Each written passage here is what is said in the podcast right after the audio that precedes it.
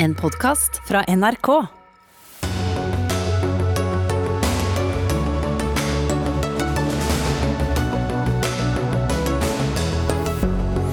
Norsk industri med varsko til regjeringen etter stengningen av grensene. Vi må få inn ny utenlandsk arbeidskraft i løpet av kort tid. Knusende granskingsrapport mot den tidligere norske presidenten i Det internasjonale skiskytterforbundet. Beskyldes for korrupsjon og beskyttelse av russiske interesser, men avviser beskyldningene. Hvor ble det av prioriteringene dine, Hareide, spør Naturvernforbundet. Mener samferdselsministeren har brutt egne løfter om å sette klima og trafikksikkerhet først. Og avgiftskutt førte til billigere snus. Nå er Kreftforeningen bekymret for folkehelsen. Da sier vi riktig god kveld og velkommen til Dagsnytt 18 denne torsdagen. Jeg heter Espen Aas. I sendingen skal vi også til det anspente forholdet mellom Tyrkia og Hellas, og snakke om gårsdagens fellelse av NRK-programmet Folkeopplysningen i Pressens faglige utvalg. Men eh, vi begynner med det temaet vi ofte begynner med, korona og relaterte problematikker. Stengte grenser fører altså nå til uro hos mange norske bedrifter som er avhengig av utenlandsk arbeidskraft. I går ble det altså klart at grensen til Norge stenges for å hindre importsmitte. Og Stein Lier Hansen, administrerende direktør i Norsk Industri, hvor lenge kan dere leve med stengte grenser? Altså Under tvil så kan vi kanskje klare å holde bedriftene i gang i 10-14 dager maks. Eh, men det fordrer at vi finner da praktiske løsninger sammen med arbeidstakersida, særlig Fellesforbundet, sånn at vi kan utnytte fleksibiliteten vår i, eh, i, overenskomsten til å kunne legge til rette for at de utenlandske arbeiderne som er i Norge nå, og som er friske, kan jobbe noe mer enn de normalt ville ha gjort. Men det viktigste budskapet mitt er at vi straks må sette oss ned med myndighetene, og det tror jeg gjelder veldig store deler av næringslivet, og finne ut hvordan vi kan få til ordninger så fort som mulig som ivaretar, ivaretar smittevernhensyn, men som samtidig gjør det mulig å ta inn ny utenlandsk arbeidskraft. Hvis vi ikke lykkes med det, så vil bedriftene etter hvert stenge ned, og norske ansatte vil bli permittert. Men Lier Hansen, for å gi oss et bilde, hvor avhengig av utenlandsk arbeidskraft er det egentlig Norge har gjort seg? Altså det vi må ha i, i, mente her, er at vi snakker nå om offshoreverft og skipsverft. Dette er en del av industrien som hver dag slåss for å vinne kontrakter. Og når de vinner en kontrakt, så skal de gjennomføre store oppdrag. Og da er ikke kjernebemanninga, altså den faste bemanninga, stor nok, og de må ta inn utenlandsk arbeidskraft. Og det er spesialister. Det er folk med fagbrev, både ett og to fagbrev. Så dette er en problemstilling som eh, både vi på arbeidsgiversida og arbeidstakersida er innforstått med. Eh, og Sånn er det bare. Mens andre deler av norsk arbeidsliv produserer jo jevnt og trutt så lenge markedet fungerer. Og da har du ikke de produksjonstoppene som du får når du vinner en stor kontrakt som skal gjennomføres på kort tid. Mm. Ja, Næringsminister Iselin Nybø fra Venstre. Dere har kanskje ikke fått noen SMS-er eh, ennå, men eh, hvordan jobber dere nå for å, å møte kravet fra bl.a. norsk industri? Vi har god dialog med næringslivet og, og partene i arbeidslivet arbeidslivet. Det har vi hatt gjennom hele pandemien, og det har vi fortsatt tenkt å ha. Mm. Noen mener kanskje litt for god? Jeg mener overhodet ikke at man kan få for god eh, kontakt med de som rammes av de ulike tiltakene eh, som er satt i verk. For det er klart, vi må høre hva effekt det har, og så må vi fatte selvstendige beslutninger ut fra den kunnskapen vi har. Mm. Men det er en erkjennelse av at importsmitte er, eh, eller i hvert fall har vært, nå blir jo grensen stengt da, eh, fra natt til lørdag og natt til fredag, eh, så smittevernet har ikke vært ivaretatt godt nok. Og hva skal man så gjøre for å ivareta det? Ja, Vi gjør dette fordi det er nødvendig å gjøre det nå. Vi ser at vi har fått mange fra utlandet inn til landet de siste ukene. Vi ser at det er mye smitte. Vi trenger å få kontroll på situasjonen. Jeg opplever heller ikke at næringslivet er uenige i det grepet vi har tatt. Vi kalte de inn til et møte, eller flere møter nå i dag morges og har diskutert som første reaksjonen. Og Jeg opplever at de har forståelse for at grensene måtte stenges, men at de kan få utfordringer hvis dette varer over tid. og Derfor må vi ha dialog med de i det videre òg. Mm. 10-14 dager, altså Stein Lier Hansen, og dette forbudet trer da i kraft uh, i natt. Uh, men hva slags tiltak kan både være levelig for dere, med tanke på det behovet du skisserer for utenlandsk arbeidskraft, men samtidig ivareta smittevern? Ja, Det er at vi kan ta inn utenlandsk arbeidskraft i de situasjonene hvor eh, vi har et avklart arbeidsforhold. Det betyr at en norsk bedrift har et samarbeid med en utenlandsk bedrift. Vi, eh, vi, befrakter, altså transporterer utenlandske arbeidskrafta i charterfly. De blir kjørt rett inn på stengte industriområder og bor i stengte, stengte brakkeleire inntil de har testa Først en gang ved ankomst og enda en gang etter 56 dager. Så de vil altså være i isolasjon, eh, ikke ha mulighet til å smitte andre, før den andre testen også er negativ. Og Dette er en mulighet vi har, fordi at vi driver produksjonen på avstengte industriområder. Det er annerledes enn mange andre bransjer, som jo er avhengig av arbeidskrafta si veldig raskt ut i det sivile samfunn. Mm. Men hva slags kontrolltiltak eh, har man eventuelt for at eh, arbeidere som skal være isolert, isolert ikke besøker hverandre, f.eks.? Ja, det er, det er vakthold på, på, brakkeriggene. Og de tillitsvalgte fra de norske fagforeningene er en del av kontrollsystemet som godkjenner det. Og Arbeidstilsynet har fri tilgang. Og det er også et veldig nært samarbeid mellom bedriftene og eh, det lokale helsevernet, altså kommunelege og helsevernspesialister. Og det er investert mange millioner eh, fra bedriftenes side for å få dette systemet til å fungere helt effektivt. Mm. Og det har vi stor tro på, men vi erkjenner at andre deler av næringslivet kan ha problemer med å gjennomføre noe som er så sikkert. Derfor må man skille litt mellom hva ulike deler av næringslivet er i stand til å få til. Mhm. For det har jo vært eh, både flere saker i mediene om at kontrollører da ikke finner arbeidstagere på oppgitte adresser der de skal eh, være i karantene. I tillegg så hadde vi jo en sak her i NRK denne uken om at antallet tester som er foretatt av bl.a. østeuropeiske arbeidstakere målt opp mot antallet SIM-kort som er registrert her i landet, hadde et ganske stort eh, gap. Så det virker jo som det åpenbart eh, er eh, noen hva heter det, utfordringer for å ja, ivareta dette. Dette må kvalitetssikres, og vi er helt klare på at selv om vi også forlanger en nulltest i hjemlandet, det er for å skille ut de som får en positiv test før de reiser fra hjemlandet. Så er ikke det godt nok. Det er det norske testsystemet som gjelder. og Derfor skal de testes når de kommer til Norge, og de skal retestes etter fem til seks dager. og Det mener jo fagmyndighetene er en god løsning. Under forutsetning at vi har full kontroll på arbeidskrafta inntil de har dokumentert at de er friske. Mm. Og Er det et uh, opplegg som da er i tråd med det dere ser for dere som et sikkert system, uh, Nybø? Altså, nå har vi jo stengt grensene med noen viktige unntak, og vi har sagt at det må gjelde noen uker framover. Og så må vi jo, Det er jo totalen som teller, altså totalen av de tiltakene vi har. Så Hvis vi slipper opp én plass, må vi kanskje stramme inn en plass. Men det betyr jo òg at eh, vi må kunne vurdere ulike tiltak framover. Og det er jo òg derfor vi har hatt et møte med både næringsliv og partene i arbeidslivet i dag, for å få de innspillene. Vi har helt klare prioriteringer vi jobber ut ifra. Det er barn og unge først. altså Liv og helse, barn og unge og så er det arbeidsplasser. Så det er klart det er viktig for oss å holde hjulene i gang. og Dette er inngripende og kan få alvorlige konsekvenser for næringslivet. Jeg Har et par andre i panelet, dvs. Si med på, på, linje, som det gjerne er i disse dager. Roger Heimli, du er andre nestleder i eh, LO. Eh, hvordan ser dere på dette? Hva, hva, hva er viktigst fra arbeidstakersiden når det gjelder eh, å ivareta smittevern? Ja, først vil jeg si, vi, er jo bekymret vi òg for, for um, utviklingen. og um, Skal regjeringen åpne grensene gjennom uh, to ukers tid, så må de sørge for at det er obligatorisk uh, testing ved ankomst. Og sørge for at det er muligheter for at karantenebestemmelsene blir, blir overholdt. Da kan ikke det være såpass naivt som det har vært nå, at vi, vi tror at alle er snille og greie og, og alle gjør som de skal.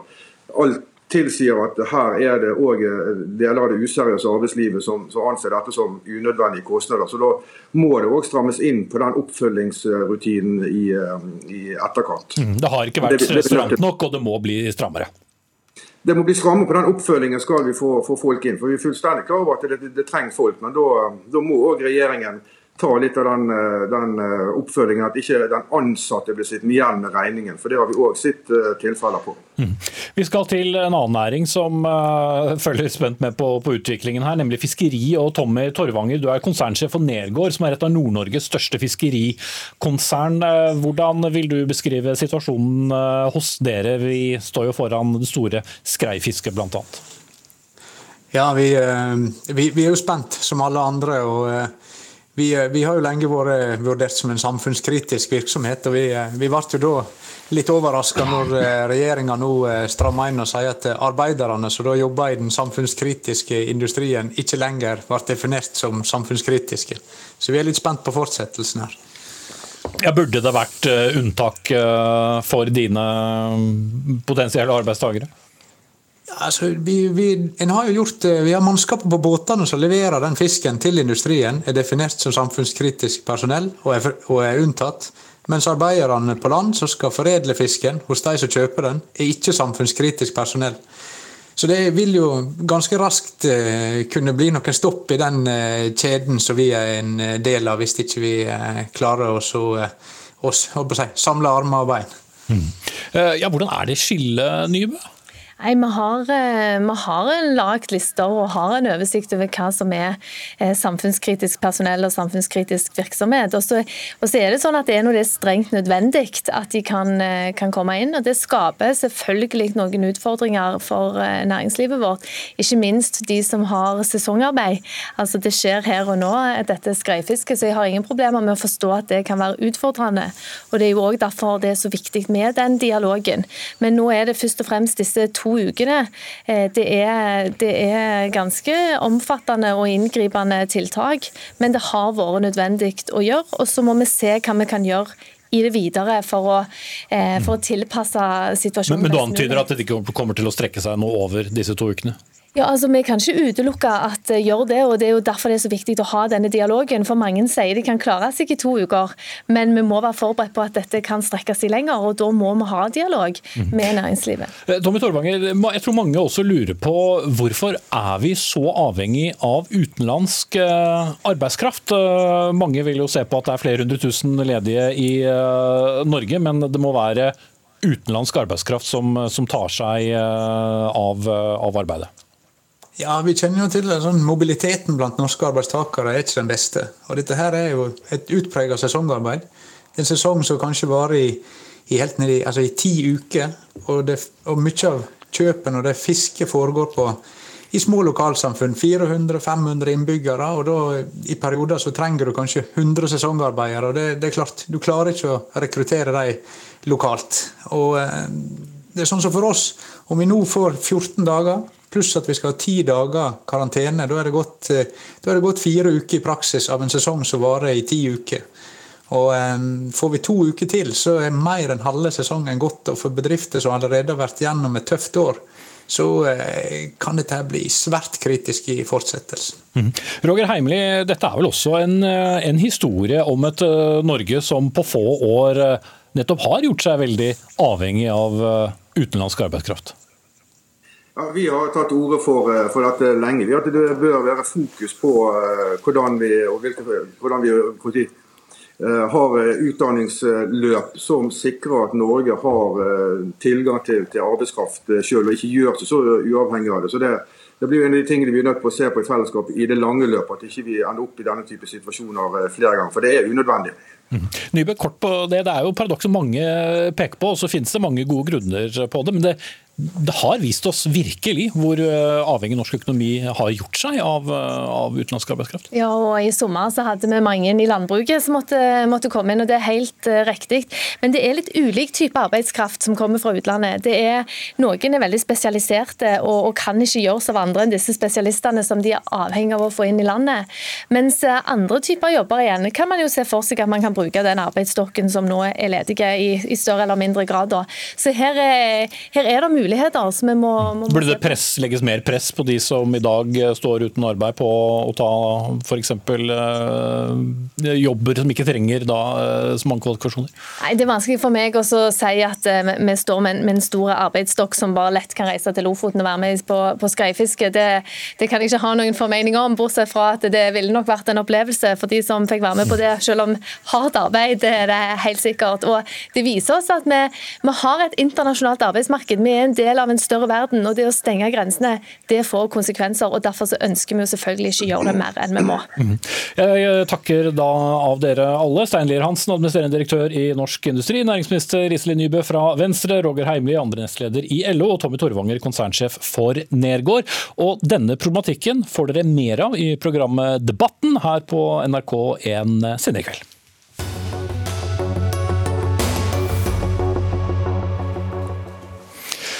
Så skal det handle om eh, sport, men ikke om eh, de presentasjoner Ikke prestasjoner, var det jeg var på jakt etter, som vi normalt sett eh, higer etter å snakke om. For i en ny granskingsrapport rettes det nemlig svært alvorlige anklager mot den tidligere presidenten i IBU, eller Det internasjonale skiskytterforbundet, nordmannen Anders Besseberg. Det er en uavhengig granskingskomité i IBU som har utarbeidet en 250 50 sider lang rapport hvor de ramser opp en lang liste med kritikk, beviser og anklager mot Besseberg. I snart tre år er han blitt etterforsket for korrupsjon og for å hjelpe Russland med å skjule doping. Advokatene hans avviser anklagene på vegne av sin klient. Jeg kan godt ta det med en gang, for vi har vært i kontakt med hans advokat i Østerrike, Norbert Weiss, som skriver følgende til oss. Jeg vil understreke at etterforskningen fortsatt pågår, at min klient på nåværende tidspunkt ikke er tiltalt, og han avviser påstandene som er fremsatt. Men for å ta oss med litt bak i kulissene her, eh, sportskommentator eh, i NRK Jan Petter Saltvedt.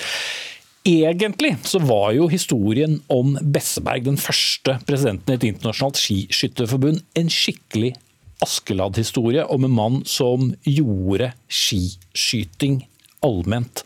Men eh, vi får ikke sagt snipp, snapp, snute, for plutselig kom det en ende på dette eventyret.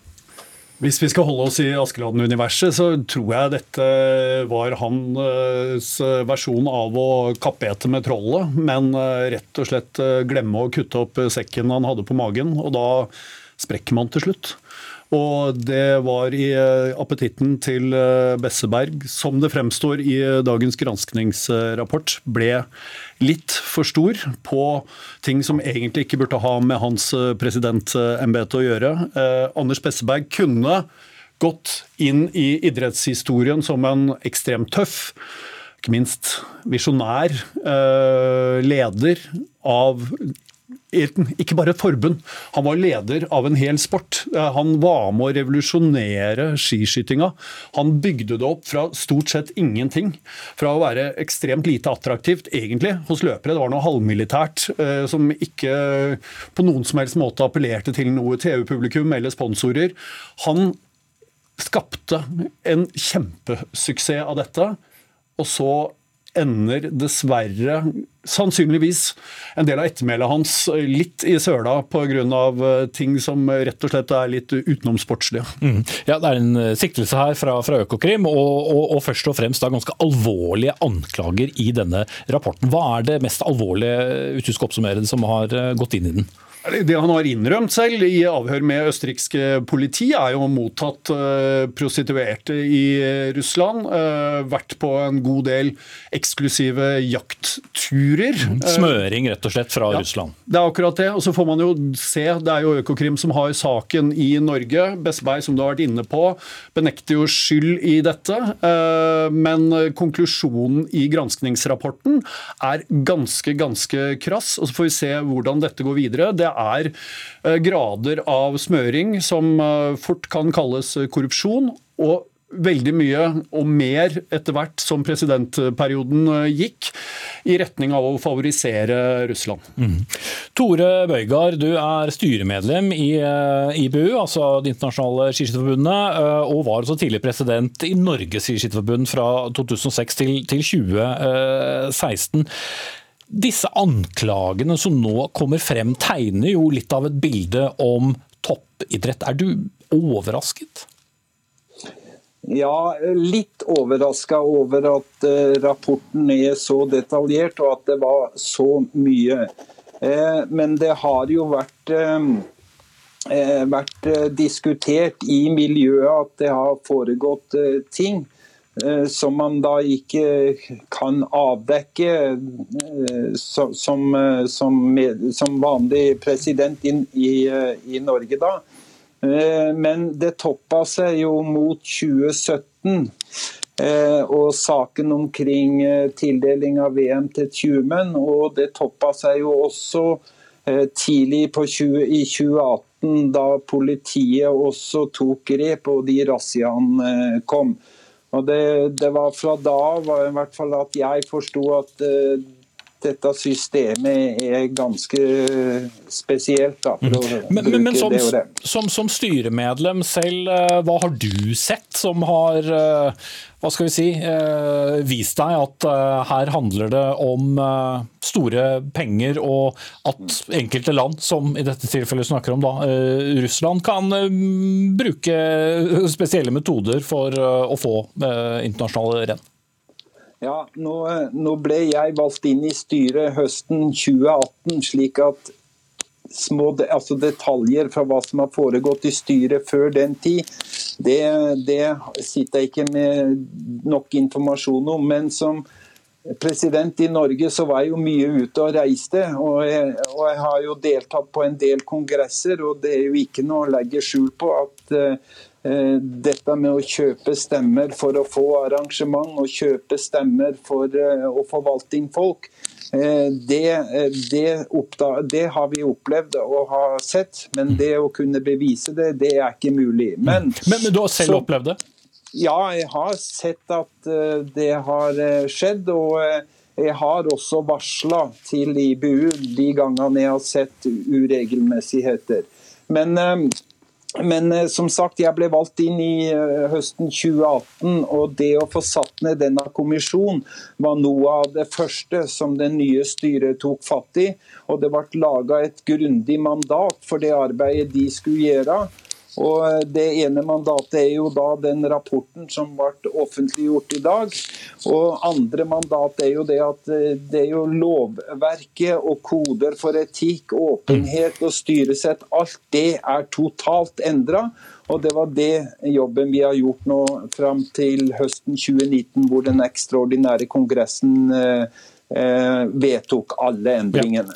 Ja. Jan Petter Saltvedt, til slutt det gjenstår jo eh, etterforskning, og, og, som sagt, eh, ingen er tiltalt eh, for noe ennå. Men som Bøygard er inne på, det er ganske detaljert. Det blir jo stående igjen et inntrykk av noe som vi har hørt om før i toppidretten, nemlig et pampevelde. Det er et eh, ganske stygt pampevelde som eh, beskrives her. Og eh, det vi utad har opplevd som stor grad av fiendskap med sånn som den russiske visepresidenten gjennom mange år, er i mye større grad en grad av samarbeid og samrøre, som jo er en betegnelse som ofte brukes i denne sammenhengen. Og vi har sett det vi ser det i altfor mange forbund. Det er en kultur som er en blanding av frykt og eh, det å gi hverandre tjenester og fordeler som eh, skiskytinga forhåpentligvis kan gå foran og vise at man kan få gjort noe med nå. Mm. Takk skal du ha, Jan Petter Saltvedt, sportskommentator her i NRK. Også takk til Tore Bøygard, styremedlem i IBU. Og vi har også snakket med Bessebergs norske advokat. Han hadde ikke anledning til å stille i Dagsnytt 18.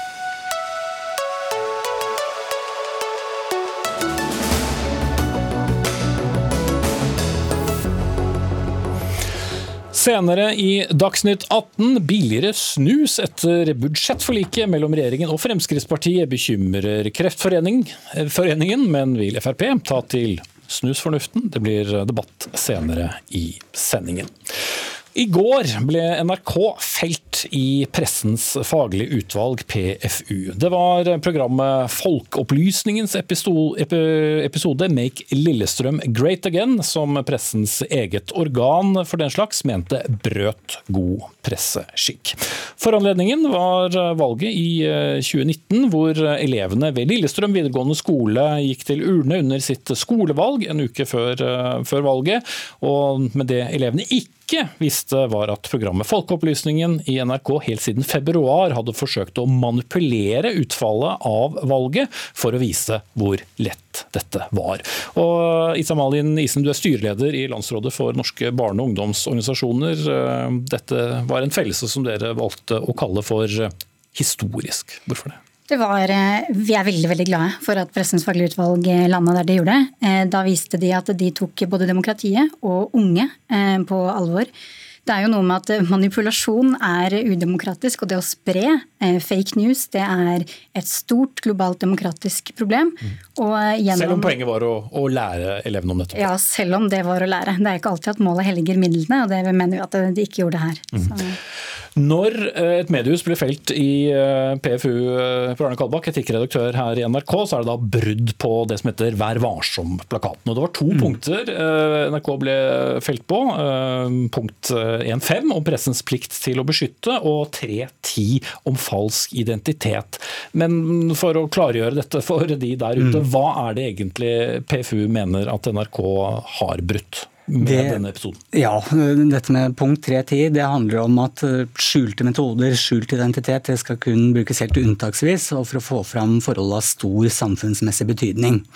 Og PFU konkluderte med at eh, i denne saken var det journalistiske formålet det forsvarte ikke å bruke sånne metoder. Eh, og det var en veldig klar konklusjon som vi bare må ta til etterretning. Og så la de også til at siden dette handlet om et skolevalg og demokratiske prosesser, at det også brøt med dette punktet. Mm. Så sånn sett var det et problem at NRK ble en aktør i sin egen film? Ja, eller du kan si mer konsekvensen av å bli det. Sånn som eh, et klart flertall i PFU konkluderte. Det var ett medlem i utvalget som mente at dette kunne forsvares, ut fra det formålet om å sette et kraftig søkelys på og virkelig vise uh, i praksis hva slags metoder som brukes, hvor lett det er å bare la det passere forbi. Men uh, lærdommen for oss er jo at her var det helt klart tilbakemelding fra PFU at den typen metoder ikke er akseptable. Mm. Men er dette historisk i den forstand at det trekker noen nye grenseoppganger? Fordi det er jo kjent gjennom mediehistorien at man benytter seg av mm. Eh, skjult mikrofon, falsk identitet eh, osv. Men endrer dette noe på en måte hvordan både NRK og andre kan, kan jobbe? Jeg tror ikke det endrer så mye i hverdagsjournalistikken. Dette var en spesiell sak øh, og, som jeg har all forståelse for at øh, LNU og på vegne av ungdomspartiene valgte å klage på. Men det var også et spesielt formål. Det var en hel sesong i Folkeopplysningen som handlet om hvordan vi i gåseøyne lar oss lure, og hvilke metoder som brukes for å lure og manipulere på ulike områder. Og det var rett og slett for å vise dette i, i praksis på en måte som gir et annet resultat da, for både de som blir utsatt for eksperimentet og, og, for seerne, enn om vi hadde laget en dokumentar, som vi også har gjort, om russiske trollfabrikker eller manipulering av USA-valg eller hva det måtte være. Men da er det andre som gjør det. Ja. Isene. Nei, jeg bare syns det er litt viktig å snakke om her at det, um, den metoden som NRK brukte, den var veldig problematisk. Og så er det klart at det, eh, man lærte mye av det, det var underholdende. Men eh, her er det noe med at det, eh, det, var rett og slett litt klønete gjort av NRK. Mm. Fordi at det også påvirket et reelt valg. Det kunne gjøre det, vi vet ikke konsekvensene av det. Og så er det noe med at det latterliggjør egentlig skolevalget som institusjon, som er en demokratisk arena som er veldig viktig i Norge, og spesielt for unge samfunnsengasjerte. Mm. Men mange elever som eh, både skrev på sosiale medier og som ble til ut i ettertid, sa at uh, dette uh, var viktig lærdom. Men du mener fortsatt at det burde vært gjort på en annen måte? Det at noe er lærerikt eller at noe er underholdende, betyr ikke at det er etisk forsvarlig. ikke sant? Og det var mange elever som syntes dette var underholdende, og Andreas Wahl er en god programleder, og dette, det var et godt program underholdningsmessig, men det var ikke etisk forsvarlig, og det er til slutt det vi er nødt til å liksom, Det er det NRK er nødt til å ta til seg, da, at dette var problematisk eh, på demokratisk eh, nivå. Mm. Og Hva gjør det med NRKs troverdighet når programmet kaller seg Folkeopplysningen, først da manipulerer en sannhet og i etterkant blir dømt for det, eller felt for det, som det heter? Nei, Det er klart at det, det legges jo merke, merke, til det. Og har jo ført til både denne og mange andre diskusjoner tidligere også, som også er viktig. Både for NRK, Folkeopplysningen og, og offentligheten. Men så er det jo Samtidig sånn at eh, vi var jo også opptatt av å gjøre de etiske avveiningene på forhånd. Vi la stor vekt på å gjøre dette i samarbeid med Lillestrøm videregående skole. Sjekke med fylkeskommunen er dette greit i forhold til opplæringslov og alt annet. Og det er klart at eh, Sett i ettertid eh, så ser vi kanskje at vi la for stor vekt for det, på det, og tenkte for litt på effekten på for, eh, for, skolevalget, og kanskje særlig ungdomspartiene og de ungdomspolitikerne som eh, deltok lokalt. Vi, det var ikke vår intensjon at dette skulle bli en stor belastning for dem. Det vet vi at det ble, og det, det beklager jeg. Det mm. var ikke meningen. Mm. Er du unnskyldning god nok, Isen? Ja, altså En unnskyldning er jo alltids god nok, og så håper jeg NRK har lært av dette og ikke sprer falske nyheter på nytt igjen, og ikke manipulerer skolevalg. Da. Mm. Og det sa vel egentlig Kalbakk eh, allerede før jeg spurte deg, at eh, det har vært eh, læringspunkter her. Så jeg setter strek der. Takk til etikkredaktør NRK, Per Arne Kalbakk, og Issa Malin Isnes, styreleder i Landsrådet for norske barne- og ungdomsorganisasjoner.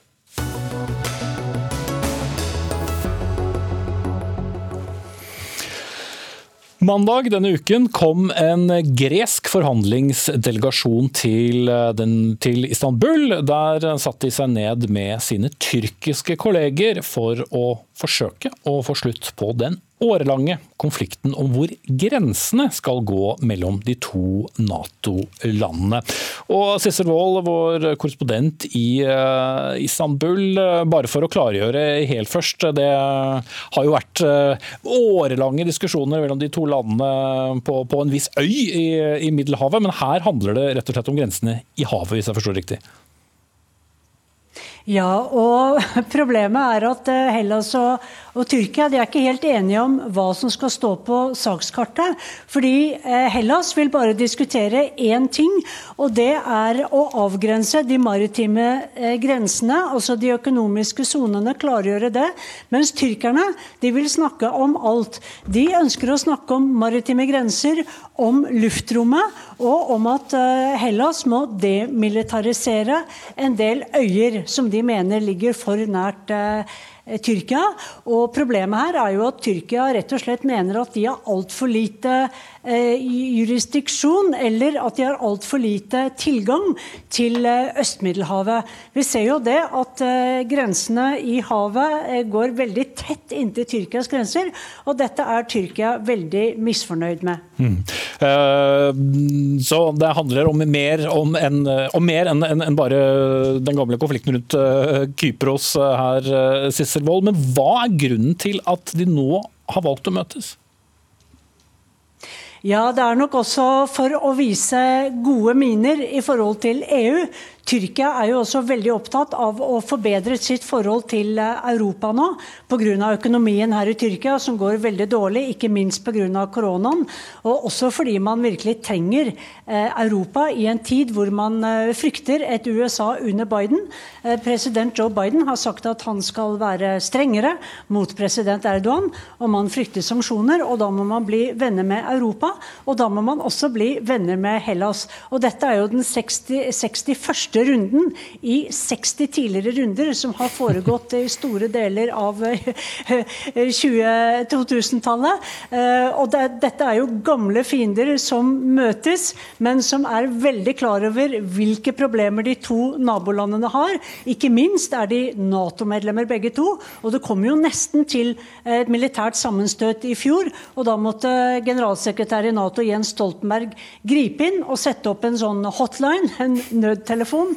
Eh, men nå så er de enige, håper de, om at hvis de blir uenige, så er de enige om et slags eh, tvistested, altså en eh, uavhengig rettsdomstol som kan løse tvistene dem imellom. Så vi får se. Mm, vi skal flytte oss fra Istanbul og Tyrkia til Tessaloniki og Hellas. Vemund Aarbakk, hvordan ser det hele ut fra der du er? Du, er, du underviser i statsvitenskap ved Universitetet i Hellas' nest største by?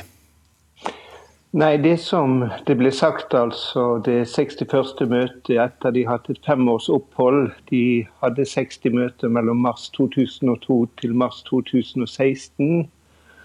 Og i Hellas så er jo det en viss skepsis til det, samtidig som de er glad for at det forhandles. Som utenriksminister den de sa på TV nylig, så var han glad for at Tyrkia hadde gått bort fra kanonbåtdiplomati og var Eh, interessert nå til å ha samtaler om hvordan det skulle gå frem. Mm. Og, Som eh, Cæsar Wold påpeker, eh, hvis man ser på grensen, denne grensen da, mellom Tyrkia og Hellas i Egerhavet, så er den jo trukket da nesten inn ved fjæresteinene til Tyrkia. og Det er som om Hvaler skulle vært svensk og, og Karmøy britisk, nærmest? Ja, eller at Sjælland skulle være svensk, altså. Altså det, det, er jo det, altså Spørs hvordan en ser disse tingene.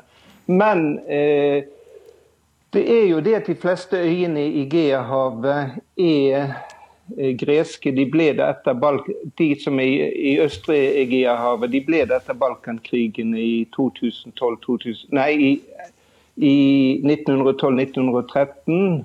Og eh, noe som var vanskelig å svelge for Tyrkia. Og ved siden av det så er det òg et spørsmål med eh, hva som skal hva som skal gjelde av havrettene, i og med at en ser på Egeahavet som et lukket hav. og Derfor så må en bruke muligens andre prinsipper enn det en bruker for områder som f.eks. Tyrkia selv bruker i Svartehavet. Mm. Du underviser jo da like så godt i et masterkurs om tyrkiske forhold ved da universitetet i Tessaloniki. Hvordan ser uh, grekerne på, på sine tyrkiske naboer? Du, Det spørs hvilket nivå en går på. fordi at du har altså veldig stor skepsis blant deler av befolkningen, særlig dess lenger sør i Hellas en kommer. Mens her i Nord-Hellas er det òg mange som har en bakgrunn fra at de kom som flyktninger fra Tyrkia. Da har du de som har vonde minner, kan du si, men òg de som eh, føler seg nærmere Tyrkia enn du gjerne gjør andre steder i, i Hellas. Og så er det en, eh, ganske mye nysgjerrighet når det gjelder tyrkisk politikk, akkurat fordi at du har såpass mange felles kulturtrekk i og med at de har levd, levde sammen i, i, i så mange år, altså i det osmanske riket, før Hellas ble uavhengig. Mm. Ja, Sissel Wold, vi må jammen meg en god del år eh, tilbake i tid for uh, å finne opphavet til det anspente forholdet mellom tyrkerne og, og, grekerne. Er det særlig håp om at de vil komme til en enighet her? Ja, det tror jeg faktisk ikke Sissel Wold uh, hører meg, så jeg altså, drar deg, Aarbakk. Hallo, ja. ja. Men det jeg kan si her, det er jo at de konfliktene vi har om havområder, det er jo noe som går tilbake til 1973, når du begynte, Hellas begynte med de første prøveboringene der i nordlige del av Egeahavet. Og etter det så har det vært spent i forskjellige omganger. Og de var jo på randen av krig i 1987 f.eks. Og det er en ting som har pågått der de har altså forskjellige meninger om hva slags prinsipp en skal bruke når det gjelder dette. I det siste En ny ting har vært at Tyrkia har sagt at du har omtrent 20 øyer som, eller skjær, eller hva du skal kalle det for, som Hellas okkuperer. For de mener at de var ikke nevnt eksplisitt i fredsavtalen, altså i avtalen i 1923 etter, i Lausanne og i Paris i 1947 etter annen verdenskrig. Mm. Noe som Hellas da sier ikke Eh, stemmer. Og, og Der eh, nevner de bl.a. Altså øyer i Marmarahavet som ikke var nevnt spesifikt i, i avtalen osv. Så sånn at det er forskjellige måter å tolke dette på, der du ikke alltid er sikker på om det er bare taktikk, eller om de virkelig mener det. Mm. F.eks. noen av disse øyene ligger oppe i fjæresteinene på, på Kreta. Mm. Det krever uh, kanskje englers tålmodighet, men kanskje er det på det 61. det kan skje. Takk til Vemund Aarbakk, førsteamanuensis i statsvitenskap ved Universitetet i Tessaloniki, og Sissel Wold, vår korrespondent eh, i Istanbul.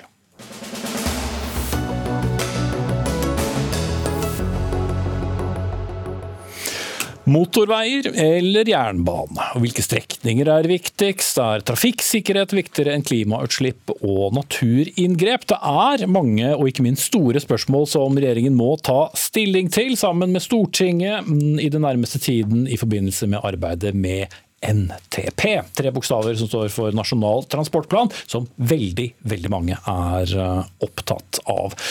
Og noen som er uh, opptatt uh, av føringene som legges der, det er bl.a. dere i Bergen. Eline Håkstad fra Miljøpartiet De Grønne, du er byråd for klima, miljø og byutvikling. Og dere har vært opptatt av å få ned reisetiden på toget mellom Oslo og Bergen. Det tar seks timer i dag, og dere mener at det må være en høy prioritert å få ned den reisetiden. Hvorfor er det viktig på en strekning det både er vei og går mange fly? Jo, eh, sånn overordna sett så mener jo vi at eh, den nasjonale transportplanen trenger, det er mer tog. I Norge så flyr vi sjukt masse, og et av de strekkene der vi flyr aller mest, det er mellom Bergen og Oslo. Og det er kanskje ikke så rart når deler av strekninga er fra 1883, og det har blitt gjort lite siden. Fremtidens transportløsninger de må være bra for mennesker og for klima og miljø. Og Det betyr at vi må satse mer på toget. Fordi toget er utslippsfritt. Det kan få både personer og gods over fra vei til bane. Og det kan konkurrere med fly på lange strekninger. Mm. Og Derfor så håper jeg ja. ja. Det krever vel også en god del inngrep dersom man skal eh, oppruste dagens jernbane for å få det til å gå så mye fortere? Det vi har eh, sagt fra Bergen, er jo at vi ønsker at Hareide skal prioritere strekninga mellom Bergen og Voss. Det er deler av dette strekket som ikke har blitt oppgradert siden 1883. Og deler av det er også veldig rasutsatt, eh, så det er rett og slett farlig. Eh, og vi ønsker jo at man skal eh, prioritere tog fremfor kapasitetsøkende og klimafiendtlige motorveiprosjekt. Nettopp fordi det er tog som er fremtida. Toget er utslippsfritt, og det er bra for både klima og miljø. Og vi får folk og gods over fra vei til bane. Mm. Samferdselsminister Knut Arild Hareide fra KrF, du vil vel ikke si helt hvordan du har tenkt å konkludere når det gjelder med Nasjonal transportplan, og gudene skal vite at det kommer mange innspill også. Men eh, hvordan spiller hensynet til eh, klima og naturinngrep inn når dere skal eh, planlegge de store nyprosjektene i, i Norge i årene som kommer? Det er jo noe vi er nødt til å legge vekt på.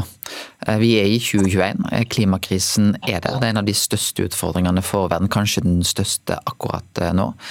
Og Da må vi legge vekt på det. Og den sektoren som jeg jobber med, skal altså ta de største utslippsreduksjonene utenfor kvotepliktig sektor. Så vi er nødt til å prioritere det. Og Jeg har bedt de etatene som jeg leder, om å nett nettopp ha klimaperspektivet med seg på alle typer prosjekt.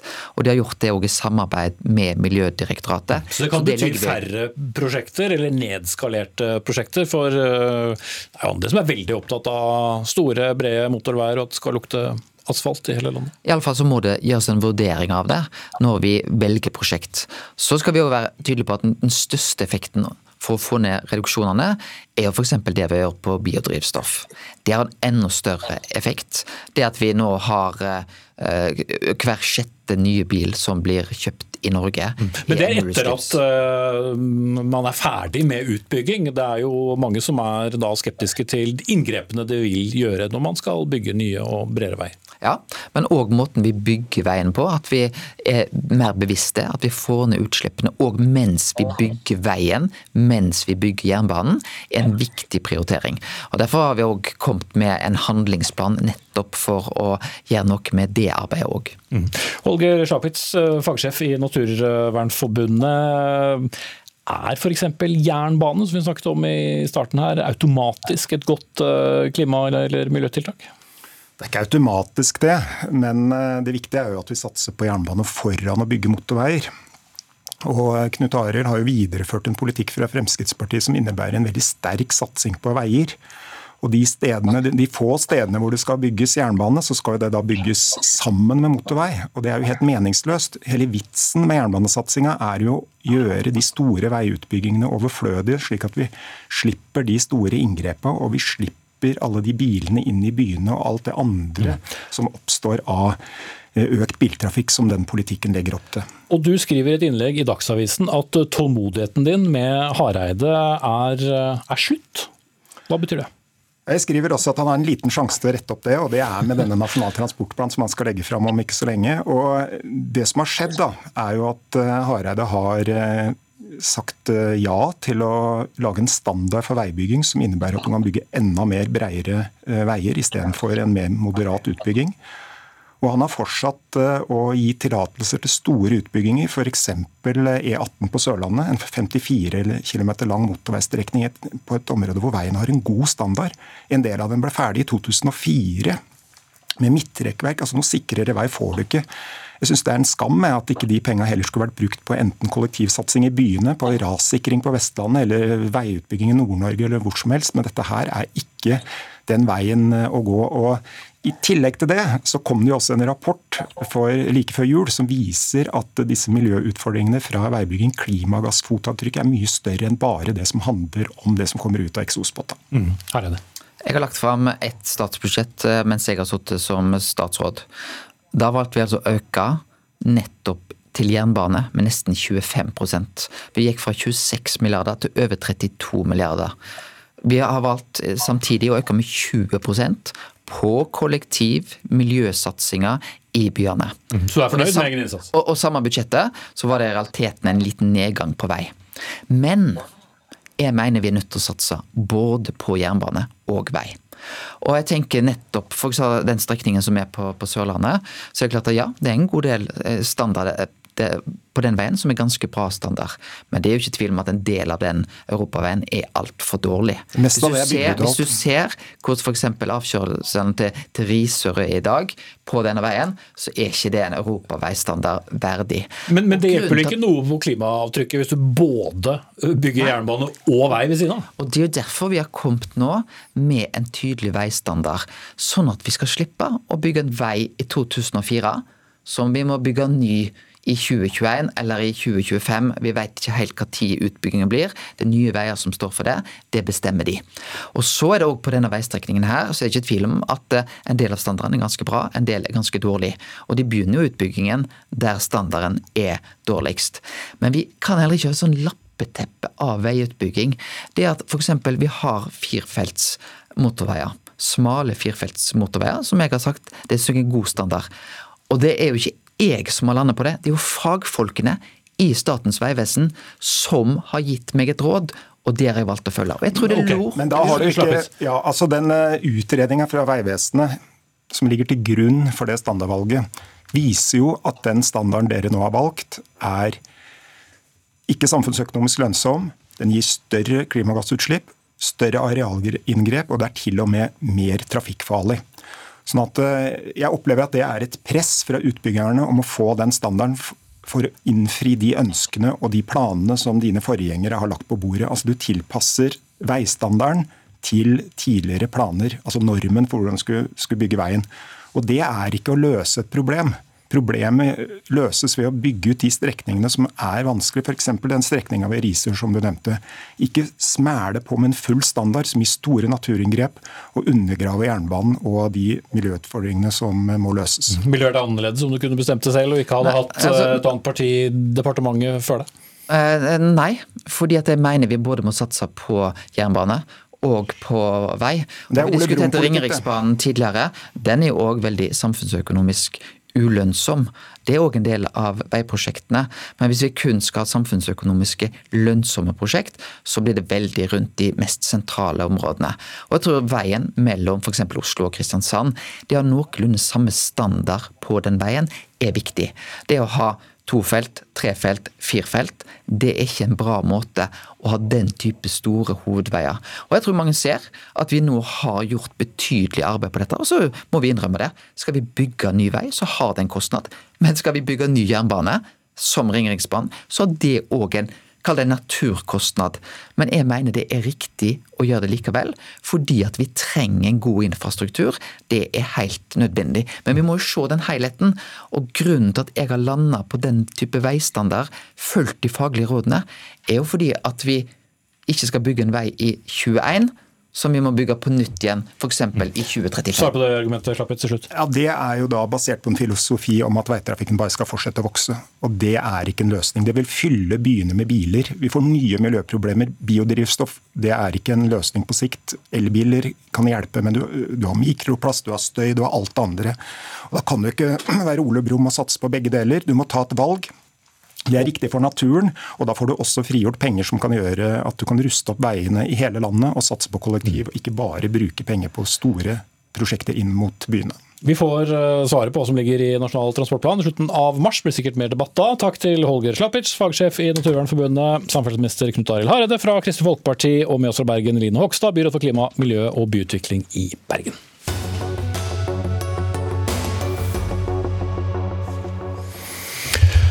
Snus er blitt billigere. For da regjeringen kom til eh, enighet med Fremskrittspartiet om statsbudsjett, så var et av kravene som ble innfridd et avgiftskutt på 25% på denne tobakken som 13% av oss nordmenn velger å legge inn under leppen hver eneste dag. Og et eh, avgiftskutt, ja, det ble et priskutt på opp mot 15 kroner boksen. Men eh, billigere snus det er en trussel mot eh, folkehelsen, sier dere til Nettavisen. Ingrid Ross, generalsekretær i Kreftforeningen. 25% lavere avgift, hvordan blir det en trussel mot folkehelsen? Nei, Det er forskjell på tobakk og alle de andre varene Kiwi har i butikkene sine. Fordi eh, snus Og andre butikker, da. Og alle andre butikker, og alle andre i dagligvarehandelen. Fordi snus er ekstremt avhengighetsskapende, og det er helseskadelig. Mm. Men når en avgift kuttes, så er det ikke så rart at det reflekteres i prisen. Skulle da dagligvarehandelen satt ned prisen på frukt når eh, det ble satt ned en avgift på tobakk? Ja, Det er igjen forskjell da, på snus og frukt. Det er jo fint at man har lavere avgifter på frukt, for da spiser man mer av det. Og Det er nettopp fordi at pris virker at uh, dette er skummelt. For når man senker avgiftene på snus, så kommer flere til å begynne å snuse. Og Vi er særlig bekymret for ungdom. Ungdom er to til tre ganger mer prissensitive enn voksne er. Og Det betyr at ungdom nå i større grad kan komme til å snuse. Mm. Kristine Åkå Garvin, du er kommunikasjonssjef i dagligvarekjeden Kiwi, som ble nevnt her. Da, og Dere var det blant de første til å sette ned den eh, prisen. Var det et vanskelig valg? Altså jeg må si Først og fremst så er eh, vi i Kiwi vi har stor respekt for den viktige jobben som Kreftforeningen gjør. Det kan du gjerne si, men hvis du skal bruke tiden riktig, så må du svare på spørsmålet. Hvorfor var, eller var det en vanskelig avveining? Eh, når vi får et avgiftskutt, så er det jo en selvfølge at det kuttet kommer kundene til gode. Men det er jo en misforståelse at Kiwi har startet en priskrig på snus. Det har vi ikke. Nei, men dere har satt ned prisen? Vi har satt ned prisene tilsvarende eh, avgiftskuttet. Og så har vi i tillegg blitt utfordret av noen norske selskaper som selger snus på nett.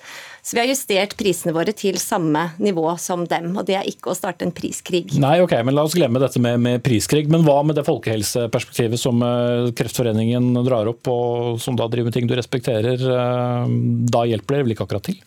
Sunnhet i folket, det er vår hjertesak i Kiwi. Startet, så da blir eh, tobakk billigere? Vi har startet eh, priskriger opp gjennom årene på frukt, grønt, mm. fisk, nøkkelhullsvarer og mange andre sunne varer. Eh, vi tror på det å bruke gulrot i stedet for pisk. Og med det så mener vi at vi skal premiere de sunne valgene, men vi skal ikke straffe de usunne valgene. Mm. Jeg skjønte ikke helt hvorfor det var et argument for at dere likevel hadde da satt ned med opp mot 15 kroner buksen? Nei, Det er fordi vi har lovet kundene at vi alltid skal være billigst. Kiwi er billigst, og hvis vi blir utfordret på pris, da skal vi sette ned prisene tilsvarende. Så da var det ikke så farlig med folkehelse? Ross? Nei, Det er jo dette som jeg mener blir gærent. da. Enten så har du et etisk prinsipp, du fronter sunnhet til folket, og da gjør du også det når det koster deg. Ikke sant? Etikk det skal du holde på med også når det koster deg. Mm. Nå syns jeg man skulle tatt et annet standpunkt og rett og slett latt være å sette ned prisen selv om avgiften går ned. Mm. Men de eh, folkevalgte som vi har valgt til på Stortinget, de sørget for et eh, flertall. Og Sivert eh, Bjørnstad, stortingsrepresentant for Fremskrittspartiet og medlem av finanskomiteen. Hvorfor var dette viktig? Først og fremst så må jeg jo si at jeg er glad for at uh, dagligvarekjedene følger opp og faktisk uh, gir forbrukerne det her uh, avgiftskuttet. Det var jo meninga uh, vår. Så klapp på skulderen. Absolutt. Men når man hører på Kreftforeninga, så skulle man jo tro at grunnen til at vi gjør det her, er fordi at vi ønsker at folk skal begynne å snuse eller snuse mer, eller alt mulig sånn. Det er jo selvfølgelig ikke det som ligger til grunn. Det som ligger til grunn er at vi ønsker å få bukt med grensehandelen. Eh, som vi vet er på flere titalls milliarder kroner hvert eneste år. Det gjør at eh, dagligvarehandelen taper arbeidsplasser, AS Norge taper inntekter. Og For oss så er det viktigste at eh, hvis man først snuser, så er det bedre at man kjøper den snusboksen i Norge, enn at man drar til Sverige for å kjøpe den. Og Derfor så blir også den sammenligninga med frukt og grønt blir litt dum. Jo, jo, men... jeg, kjenner, jeg, kjenner, ingen som drar til Sverige for å handle druer og appelsiner, men jeg kjenner veldig mange som drar til Sverige for å handle snus. Kjenner du mange som nå dropper å reise til Sverige fordi at en norsk snusboks er blitt opp mot 15 kroner billigere. Ja, nå ja, er det ingen som drar til Sverige, obviously, da, men eh, Nei, nå er det ingen som drar til Sverige, men jeg tror jo det at alle monner drar. Eh, og snus er eh, den enkeltvaren som gjør at flest drar til Sverige for å og harryhandle, og da tar man med seg mye annet på veien også. så det er klart at Når en snusboks blir 10-15-20 kroner billigere, så betyr det at flere vil handle den i Norge enn å dra til Sverige. og Det er veldig bra for AS Norge. Mm. Men hvordan vet du at ikke flere tenker at uh, nå vil jeg snuse, siden det er blitt billigere? Jeg kan bruke meg selv som eksempel. Jeg slutta å snuse for fem år siden. Det eh, gjør ikke lysten min til å begynne å snuse igjen noe større, eh, det her. Jeg tror den frykten er litt overdrevet fra, fra Kreftforeninga. Jeg tror ikke om man begynner å snuse, eh, står på de 15 kronene. Men eh, jeg tror at de som allerede snuser, vil da kjøpe eh, boksen i Norge i stedet for i Sverige. og Det bidrar til å trygge arbeidsplasser i Norge. Ok, det har du sagt. Men Ross, har dere noe forskning som viser at folk vil enten snuse mer av de som snuser nå, eller at flere vil begynne å snuse? Er det ikke bare sånn at de som allerede snuser, vil kjøpe den i Norge og ikke i Sverige? Nei, vi har forskning som viser at pris virker. Hvis man øker prisen på tobakk med 10% så går forbruket ned med 4% Så pris er et ekstremt effektivt virkemiddel. Og Det man kunne gjort isteden for, for å senke prisene, det hadde jo vært å gjøre noe med kvoten. Hvis man faktisk er redd for at folk handler tobakken sin i Sverige, så hadde det gått an å si at du fikk ta med deg en snusboks eller to, da, men ikke et tonn med snus når du går over grensa. Så jeg tenker at eh, her kunne Frp valgt noen andre politiske grep enn å senke prisen. Bjørnstad? Nå er, nå er, det ikke sånn at kvoter over grensa er et uh, tonn med snus. Det er, det er vel ti bokser porsjonssnus, uh, og det er jo ikke all verden. Men eh, jeg tror Kreftforeninga gjør en feil ved å kalle tobakk tobakk. fordi det man vet er jo at 60% av dem som snuser, tidligere har røyka. Og Det er veldig mye bedre for folkehelsa hvis, hvis de som røyker, går over til å, å begynne å snuse. Så faktisk så kan jo det bidra til bedre, eh, bedre folkehelse ved at de som eh, røyker, hvor avgiftene står i ro, heller går over til å, å begynne å snuse. Mm. Men så vil vel noen si at det er bedre folkehelse hvis man slutter å snuse og spise epler? Ja, absolutt. Men eh, det tror jeg ikke er veldig realistisk. Men jeg tror det er realistisk at eh, dem som, eh, dem som røyker, heller går over til å snuse. Røyking tar livet av 6000 mennesker i Norge årlig. Snus tar ikke livet av noen. Og nå er det flere i Norge som snuser enn røyker. Men hvis du kan gi meg et klart svar, Arvin. Merker dere noen forskjell i dagligvarehandelen på at snus er blitt billigere? Vi har jo hatt en stor vekst som følge av stans i grensehandel. Eh, Men som følge av korona, ikke som følge av uh, justeringen av prisen? Ja, og korona har lært oss mange ting. Bl.a. det at det er eh, fortsatt veldig mange som kjøper brus og snus, men at mange av dem har kjøpt det i Sverige tidligere. Og Vi har jo i dag 2000 flere medarbeidere enn det vi hadde på samme tid i fjor. Og Det er jo bl.a. et resultat av mer handel i Norge. Mm. Eh, til slutt, eh, Ross, eh, hva gjør dere for å eventuelt eller Hva vil være viktig indikator for dere for å, si til regjeringen og Fremskrittspartiet at dette var feil? Dere må vel få et eller annet slags tallmateriale som viser at flere begynner å snuse eller snuse mer? Da? Ja, Vi følger jo med på tobakkstallene. og Det er eh, ungdomssnusingen som er vår aller største bekymring. og 40% av de unge jentene som snuser nå, de har aldri røkt. Så det argumentet til Frp det holder ikke. Mm. Så Vi følger med på disse tallene, og vi kommer til å si fra når eh, de endrer seg. Et uh, snusfornuftig svar til slutt der, Bjørnstad? Ja, men når man vet at 60% av dem som snuser er tidligere røykere, så mener jeg at det er bra for folkehelsa hvis vi får flere til å begynne å snuse på bekostning av, men nå var det de unge som begynte å snuse, da? Jo da, men jeg tror ikke at de 15 kronene er det som avgjør om de begynner å snuse eller ikke. Men hvis de uansett begynner å snuse, så er det tross alt bedre at de kjøper den boksen i Norge, sånn at Kiwi og de andre kjedene får beholdt de arbeidsplassene de har fått nå i løpet av okay. Eh, denne koronaperioden med stengte grenser. får vi håpe at de får beholde dem når grensene åpner igjen. Takk til Sivert Bjørnstad fra Fremskrittspartiet, Kristine Aako Garvin fra Kiwi og Ingrid Ross fra Kreftforeningen. Vi er ved veis eh, ende, vi. Jaran Ree Mikkelsen var ansvarlig for sendingen. Teknisk ansvarlig for aller siste gang i Dagsnytt 18 var Stein Nybakk, som takker av etter 50 år i NRK. Jeg heter Espen Aas. Vi ses i morgen.